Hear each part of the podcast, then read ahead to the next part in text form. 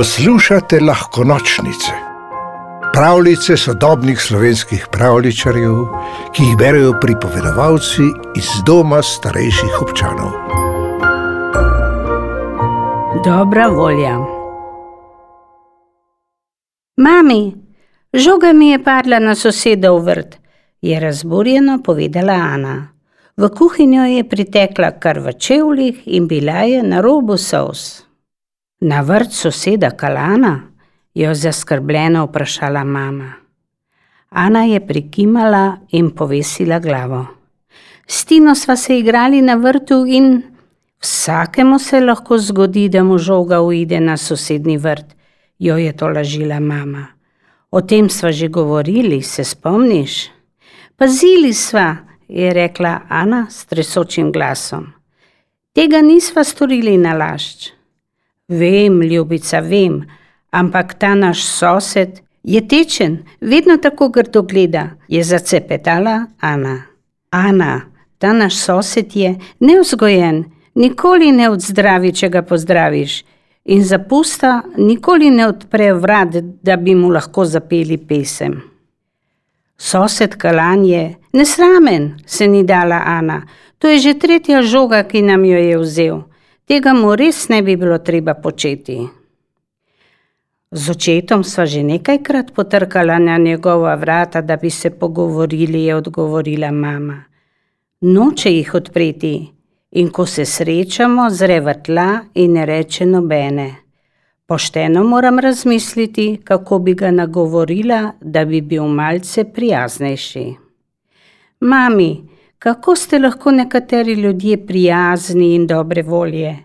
Prijazna sta ti in očka, pa dedi in babi, pa vzgojiteljici v vrtu in naš mačkon Bučko, je zanimalo Ano.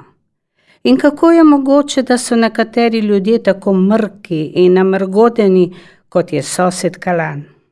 Vsak človek je kot knjiga, je hčerki odvrnila mama. Vsak izmed nas ima svojo zgodbo, zaradi katere se obnaša kot se. In te zgodbe sploh niso preproste. Ko bi le vedela, kje stanuje dobra volja, je sama pri sebi rekla Ana in odšla proti svoji sobi. Ščepec nje bi z veseljem poklonila sosedu. V sobi je sedla na posteljo, se zazrla skozi okno in pomislila: Le kje živi dobra volja?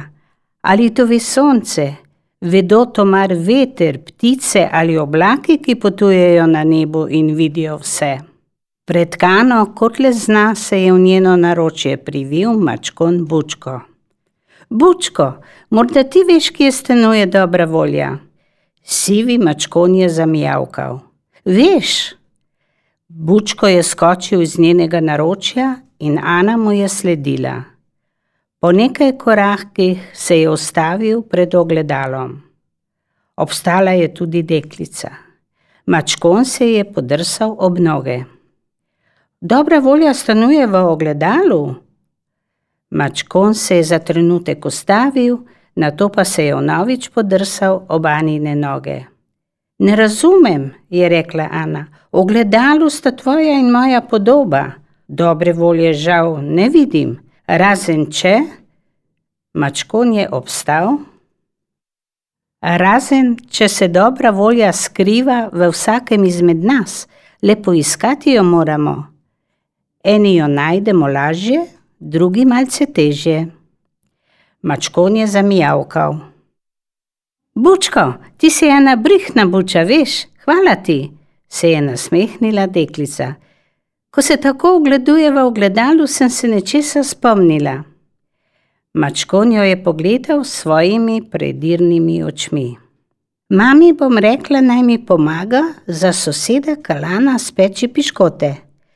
Gospod ne odpira vrat, ne pozdravlja in se noče pogovarjati. Toplih piškotov bo zagotovo vesel in piškotom bova priložili pisemce. V njem se mu bom najprej opravičila zaradi nerodnosti žogo. Na to bova skupaj z mamo zapisali zgodbo. Tisto o sivem mucu, ogledalu in dobri volji. Kdo ve, Morda se ga bo ta zgodba dotaknila in se bo tudi on odpravil poiskat dobro voljo.